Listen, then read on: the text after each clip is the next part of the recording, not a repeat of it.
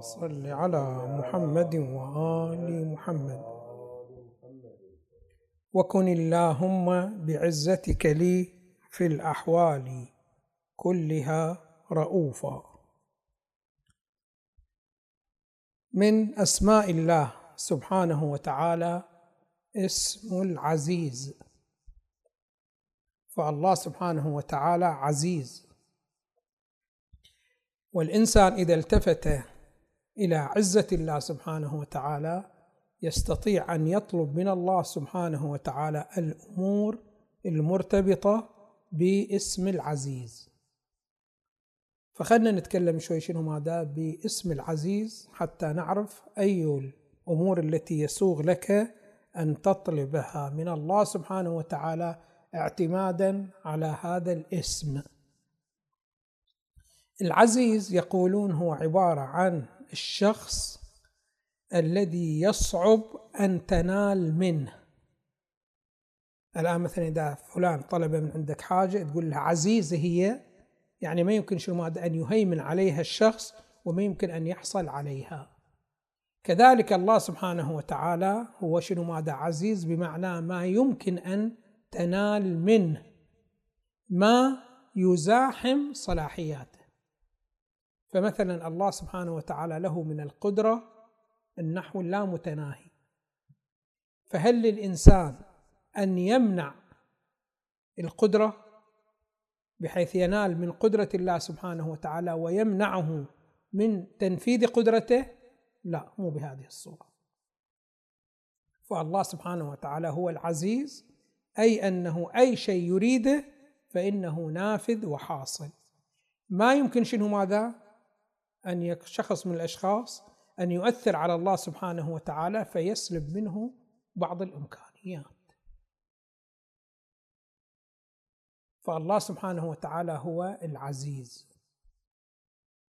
فهنا إذا كان بهذه الصورة تعلمون بأنه الحياة في عالم المادة التي نحن نعيشها دائما في حالة انتقالات من حال إلى حال آخر. فأنت تشوف شخص من الأشخاص اليوم غني بكرة يكون شنو ماذا فقير. شخص من الأشخاص اليوم قوي بكرة يكون شنو ماذا ضعيف. شخص من الأشخاص تشوفه اليوم مريض بكرة شنو ماذا يكون سليم. فما في شيء في عالم المادة مستقر. كله في حالة شنو ماذا في حالة تغير. أساسا عالم المادة هو عالم الحركة وعالم التغير. عوالم أخرى تستقبل الإنسان هي عوالم شنو ماده ثابتة. ولكن عالم الدنيا دائما في حالة تغير. فما يستطيع شخص من الأشخاص يقول يا ربي لا تنقلني من حال إلى حال. هذا شنو ماذا غير ممكن في عالم المادة. اليوم أنت صاحي بكرة مريض اليوم غني بكرة فقير. فما في شيء شنو ماده ثابت في عالم المادة. كل شيء شنو ماده؟ متغير. فالإنسان إذا أراد شنو ماده أن يطلب من الله سبحانه وتعالى شيء مرتبط بهذه الانتقالات. قطعا الله سبحانه وتعالى شنو ماده راح ينقلك من حال إلى حال. فلا تطلب من الله سبحانه وتعالى أن لا ينقلك من حال إلى حال. هذا غير ممكن. ولكن بإمكانك أن تطلب من الله سبحانه وتعالى كما يقول الإمام وكن اللهم بعزتك لي في الأحوال كل كلها رؤوفا. يعني انقلني من حال إلى حال. لابد وأنا في عالم المادة أن تنقلني من حال إلى حال. ولكن شنو ماذا؟ انقلني برأفة. واضح شنو مو شنو ماذا؟ هاي الانتقالات المفاجئة لأنه الانتقالات المفاجئة انتقالات تزعج. أنا أتذكر كنت في دولة من الدول الإسلامية وكانت شنو ماذا؟ فيها حالة حرب. كانت في حالة حرب فكانت العملة كل يوم شنو ماذا تنزل؟ عملة البلد. تعرفون بعد البلد الذي يتعرض لحالة حرب يكون اقتصاده دائما شنو ماذا؟ ضعيف وتؤثر عليه الحرب فيتراجع. فالعملة شنو ماذا تنزل؟ بحيث حتى شنو ماذا؟ الناس هناك كانت عبارة تنتشر بينهم بأنه إذا تقدر تنام وجيبك فيه دينار واحد فحول هذا الدينار إلى قوط جقاير أحسن من تخليه دينار في جيبك. لماذا؟ قالوا لأنه بكرة تصبح الصبح الآن هذا يجيب لك قيمة قوط جقاير بكرة الصبح ما يجيب لك شنو ماذا نص قوط جقاير تفقد العملة تفقد شنو ماذا قيمتها بهي الصورة بهي فكان الناس يحاولون شنو ماذا ينامون. قبل ما ينامون إذا يقدر يحول أي فلس عنده إلى عملة أخرى حتى تنحفظ شنو ماذا القيمة يحولها. بهي الصورة. ففي ليلة من الليالي والناس على هكذا طريقة معينة البعض شنو ماذا؟ نام استيقظ الصبح في تلك الليلة قبلت الدولة وقف إطلاق النار. بمجرد أن قبلت وقف إطلاق النار شنو ماذا؟ صعدت العملة فوق جدا. فهذا الذي شنو ماذا؟ قبل أن ينام حول عملته بنحو كانت جدا رخيصة عندما صبح الصباح ارتفع شنو ماذا العملة. فبعضهم ما قدر يتحمل هكذا شيء فصادتهم شنو ماذا أزمات قلبية وأزمات نفسية وإلى آخره. بهي الصورة لأنه شنو ماذا انتقال مفاجئ. فالإمام سلام الله عليه يقول لله سبحانه وتعالى أنت قطعا راح تنقلني من حال إلى حال ولكن خل شنو ماذا رأفتك في هذه الانتقالات لا تنقل الانتقالات شنو ماذا فجائية. واضح شنو إذا شنو ماذا؟ يا ربي أطلب من عندك بأنه وأنت العزيز أن تتعلق قدرتك بنقلي من حال إلى حال ولكنه بنحو يكون شنو ماذا؟ بالرأفة. مو شنو ماذا؟ الانتقال شنو ماذا؟ الفجائي.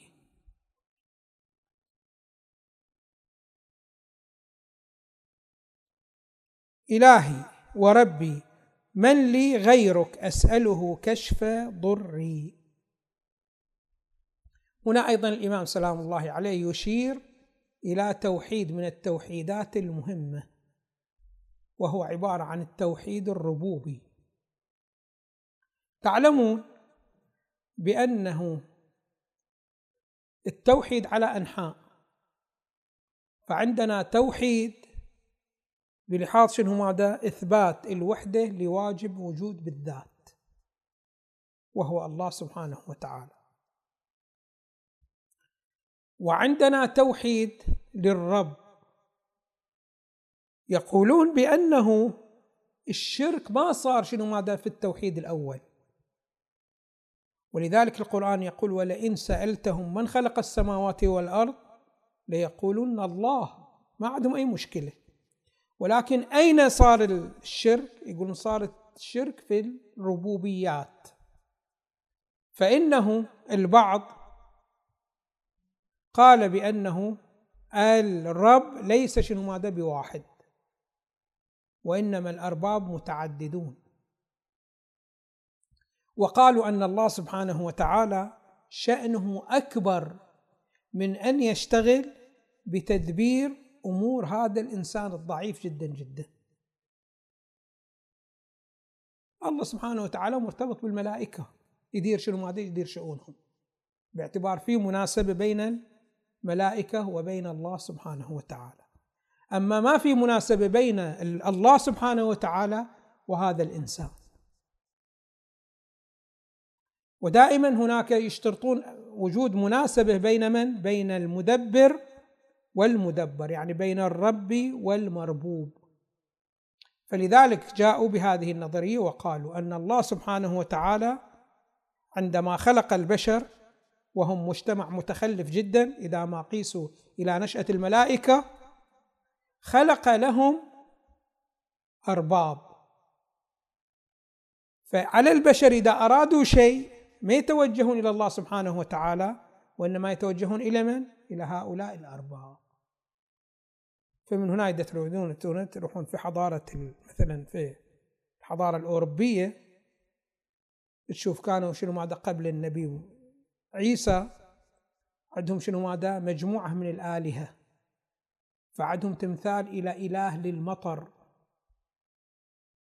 فإذا صادتهم حالة جذب يتجهون إلى من؟ إلى هذا الإله ويسوون له قرابين حتى شنو ما يأتي لهم بالمطر. وعندهم إله يسمونه إله الحب. أو هي أنثى إلهة الحب فروديت أيضا شنو ماذا إذا أرادوا شيء مرتبط بالزواج وإلى آخره يروحون شنو ماذا لهذه الآلهة شنو ماذا يحصلون الإلهة هذه تحصل لهم هذه المسألة.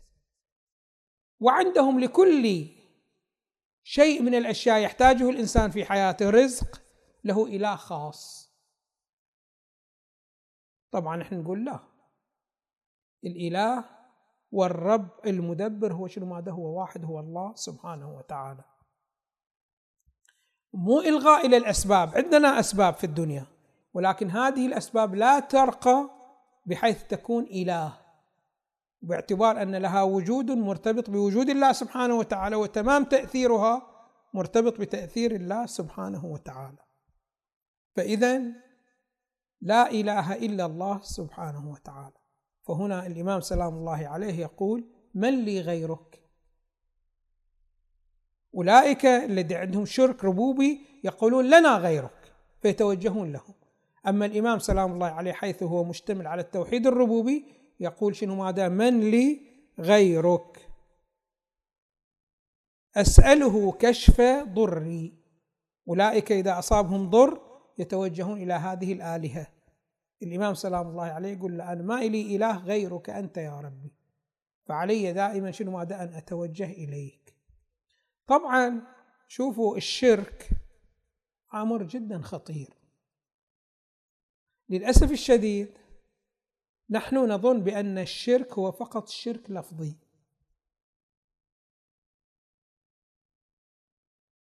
لا هو في الواقع الشرك مو فقط شرك لفظي. عندنا شرك لفظي وشرك عملي. الشرك اللفظي أنه شنو؟ تتفوه أمام الناس وأمام الآخرين بأن هناك إله يدبر أمور مربوبيه بنحو الاستقلال غير الله سبحانه وتعالى. هذا الشرك لفظي. كما كان شنو ماذا البعض هكذا يقول. وكانوا شنو ماذا قبل مجيء النبي صلى الله عليه وآله كان مكة هم عندهم شنو ماذا؟ هكذا أوثان. هذه الأوثان هم ما يعبدونها وإنما هذه ترمز لوجودات أخرى. فهم يعبدون تلك الوجودات الأخرى. هذا شنو ماذا؟ الشرك لفظي. وعندنا شرك عملي. الشرك العملي يمكن الإنسان ما يقول بأن هناك بلسانه ما يمكن أن يقول بأن هناك إله مدبر غير الله سبحانه وتعالى ولكنه عملا يعمل ويتعامل مع وجودات وكأنها هي من المدبرة.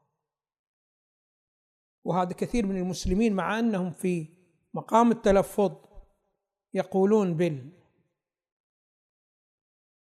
بعدم الشرك الربوبي ولكنه في مقام العمل يجعلون لهم شنو ماذا آلهة. فمثلا الآن البعض يجعل الراتب ماله هو شنو ماذا إله. فالآن شوف شخص من الأشخاص يرتب الأشياء التي يريد أن يقوم بها في هذا الشهر كامل اعتمادا على شنو ماذا على أن الراتب يصل إليه. وما عنده شنو ماذا أي مسألة مرتبطة شنو؟ ماذا بالله سبحانه وتعالى. في سورة الكهف أن نقرأ ولا تقل لشيء أو لا تقولن لشيء إني فاعل غدا إلا أن يشاء الله. يعني لازم تعلق شنو؟ ماذا؟ على المشيئة. إحنا لا ما عندنا هذا الشيء. تقول أنا في هذا الشهر راح أسوي فلان وأسوي فلان وأسوي فلان وأسوي فلان. إذا واحد سألك اعتمادا على شنو؟ تقول راتبي بينزل في البنك. يعني شنو راتبك ينزل في البنك؟ اولا راتبك من قال لك بأنه بينزل في البنك؟ اعتمادا على هي الشركات والبنوك وإلى آخر الطريقة وإلى اخره خب هذا البنك إذا الله سبحانه وتعالى لم يرد أن يكون موجود غدا. هل يمكن أن يوجد؟ ما يمكن أن يوجد. أو البنك يوجد ولكن شنو ماذا؟ هاي الأموال ما تحول لك. أو تحول لك هذه الأموال. ولكن القيمة السوقية تنخفض إليها. هي كلها شنو ما دام؟ هي بيد من؟ كلها بيد الله سبحانه وتعالى. فأنت ما تستغني.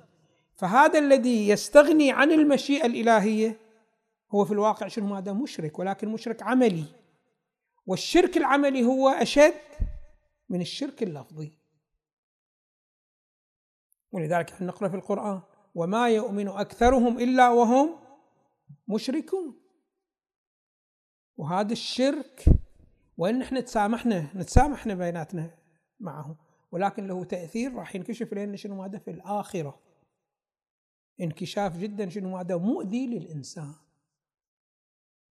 فإنه هذا كله مبني على شنو هذا على أن الإنسان متعلق بالأسباب.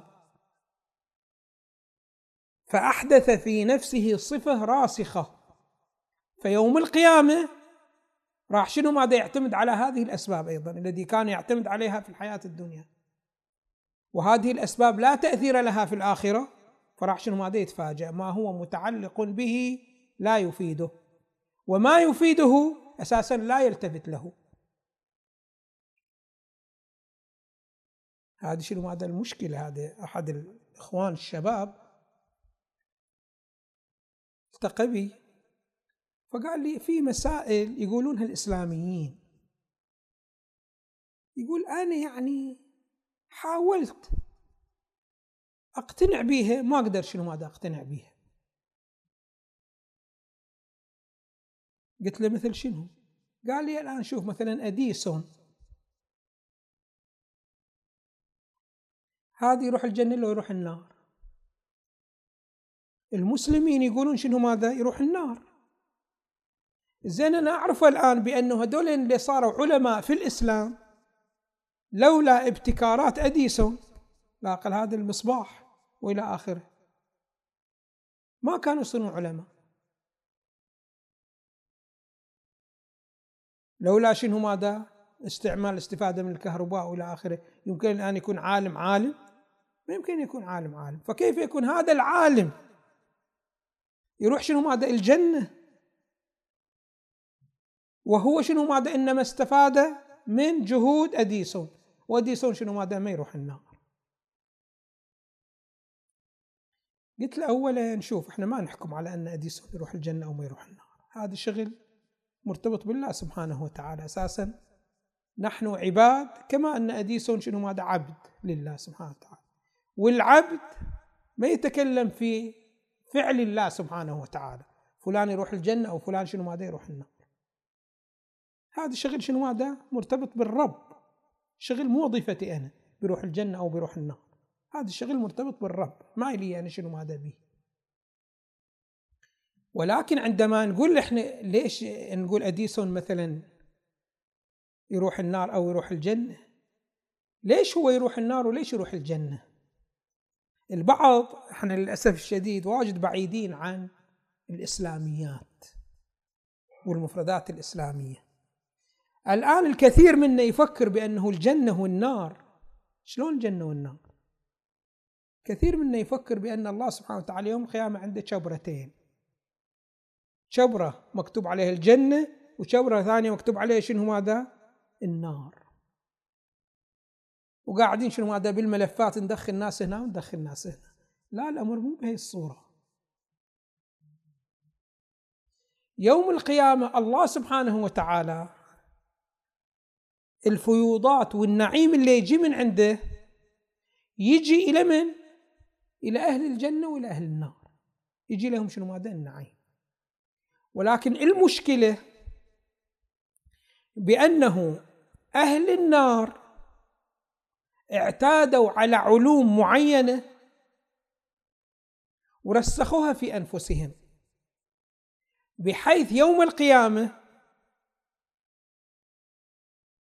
يتعاملون من منطلق هكذا علوم. فإذا كانت هذه العلوم منحرفة راح شنو ماذا تسبب إليهم؟ شنو ماذا التعب والعناء. مثلا شوفوا الآن لو فرضنا شخص من الأشخاص اعتاد إحنا عودناه على هكذا طريقة. يوميه نجيب اليه احتياجه من الماء. يوميا نجيب له احتياجه من الماء. وفهمناه بأنه هذه المنطقة ما فيها ماء. أبدا. وإذا إحنا ما نجيب لك هذا الماء راح شنو ماذا؟ راح تموت عطش.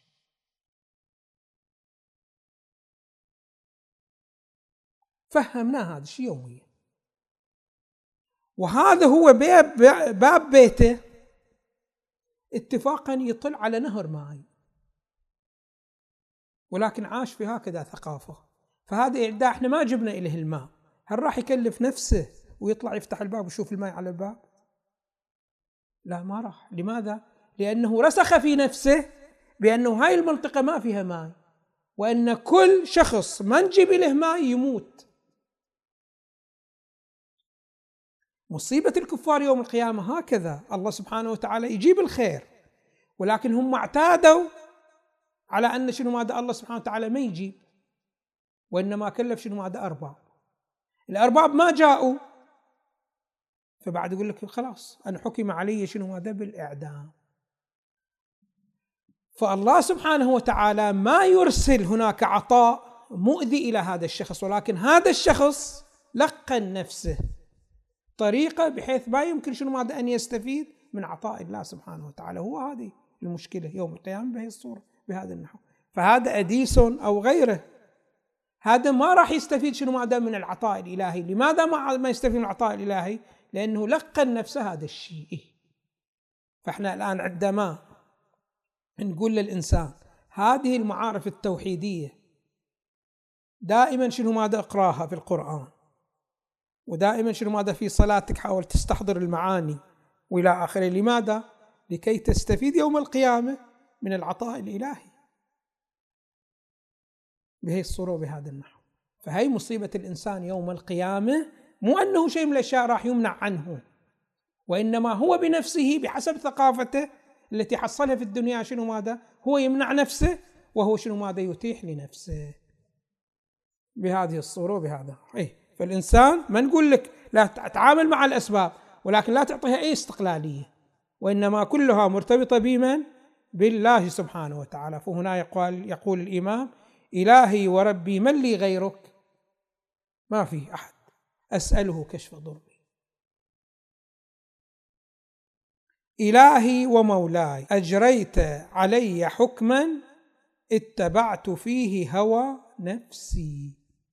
اذا لاحظوا بأن الله سبحانه وتعالى ما يمنع أحد شنو ما دام من العطاء.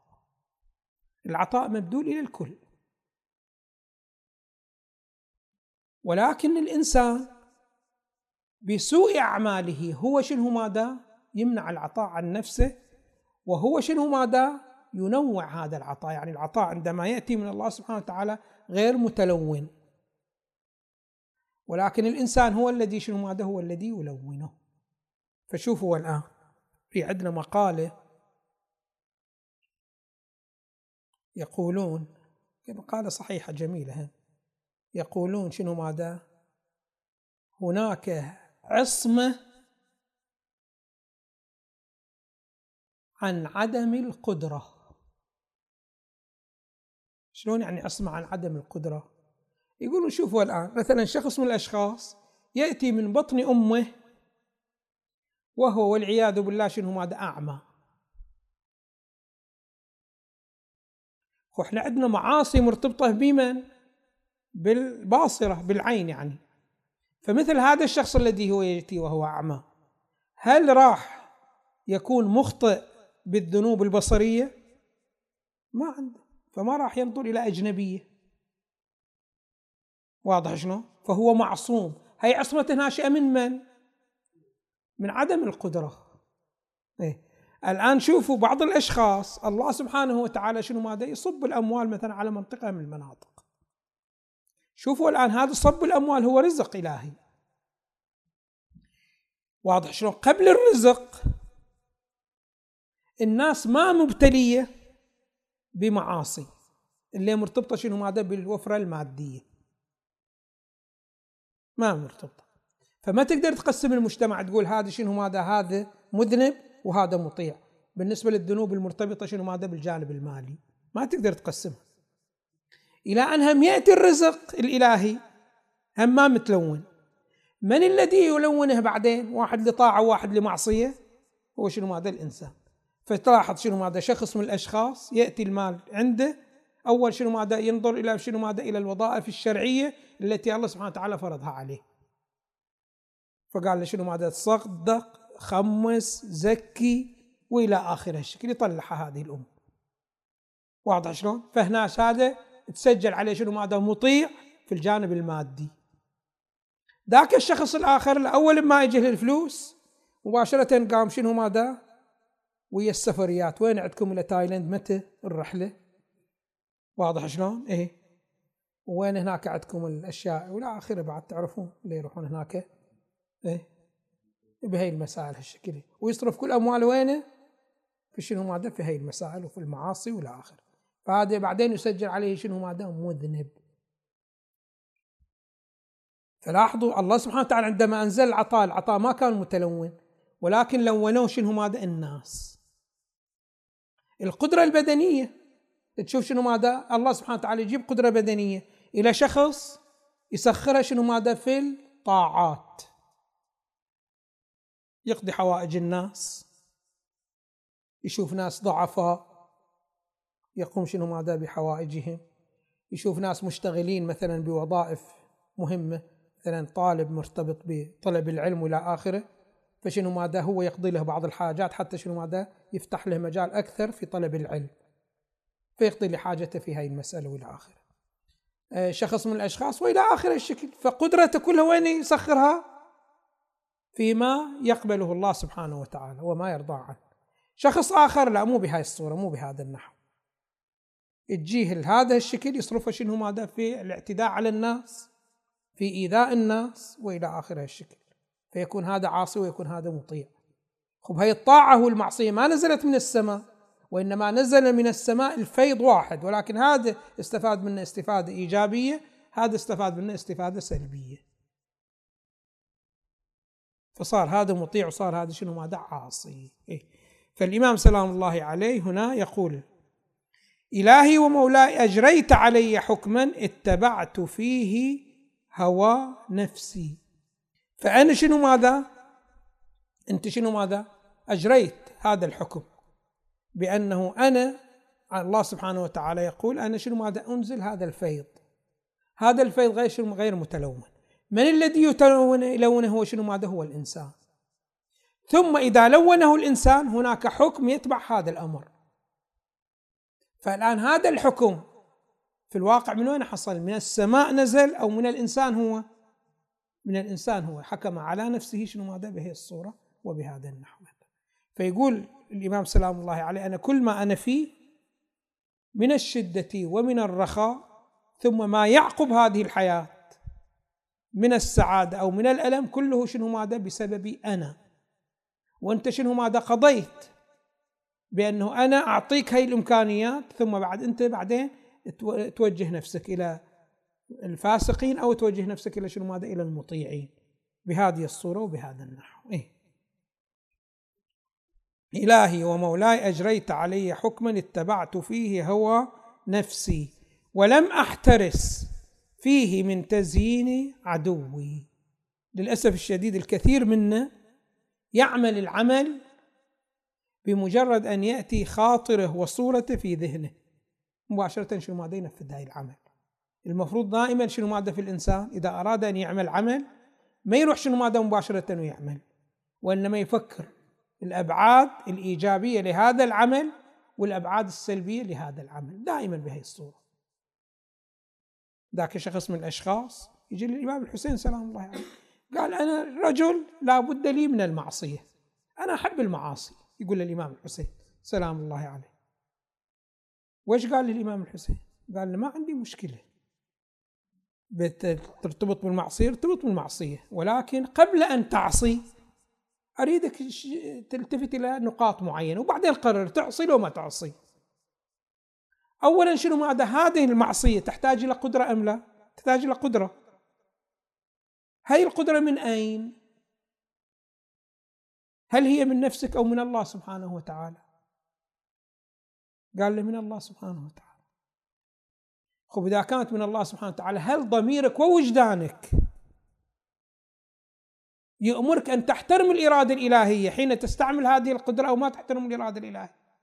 إذا أنت كنت عندك ضمير وحي يقول لك شنو؟ ماذا احترم الإرادة الإلهية. ثم أنه إذا فرضنا شنو؟ ماذا تجاوزت هذا الأمر. وفعلت شنو؟ ماذا المعصية. فإذا أراد الله سبحانه وتعالى أن ينقلك من هذه النشأة نشأة الدنيا إلى نشأة الجزاء ونشأة الحساب. هل بإمكانك أن تقول لله سبحانه وتعالى لا أنا ما طالع ولا أنا رايح وما أنا عاطي لك فرصة تحاسبني؟ تستطيع هذا الأمر؟ إذا تستطيع ما عندي مشكلة. ثم لو فرضنا شنو؟ ماذا استطعت. وحكمت عليك المحكمة هناك شنو؟ ماذا بالنار. وجاء خازن النار يريد ياخذك النار. تستطيع أن تقول له أنا ما أنا رايح ذاهب إلى النار؟ إذا تستطيع تقول له أنا ما أذهب إلى النار فالأمر معك أعصي. أما أنت إذا شنو؟ ماذا لا القدرة من عندك القدرة من الله سبحانه وتعالى. وإذا أراد ينقلك إلى دار الجزاء ما تقدر تمنع نفسك. وإذا أراد أن يكون شنو ماذا مالك ياخذك للنار ما تقدر تمنع نفسك. فما هو المبرر لك من المعصية؟ ما عندك أي مبرر للمعصية. فهذه المعصية عندما تعصي باصطلاح اليوم يسمونها معصية غبية يعني بلا مبرر. والإنسان العاقل ما يقدم بما هو عاقل والتكاليف للعقال. ما يقدم على هكذا مسألة من المسائل. نكمل إن شاء الله في الأسبوع القادم والحمد لله رب العالمين وصلى الله على محمد وآله الطيبين الطاهرين. اللهم صل على محمد وآل محمد.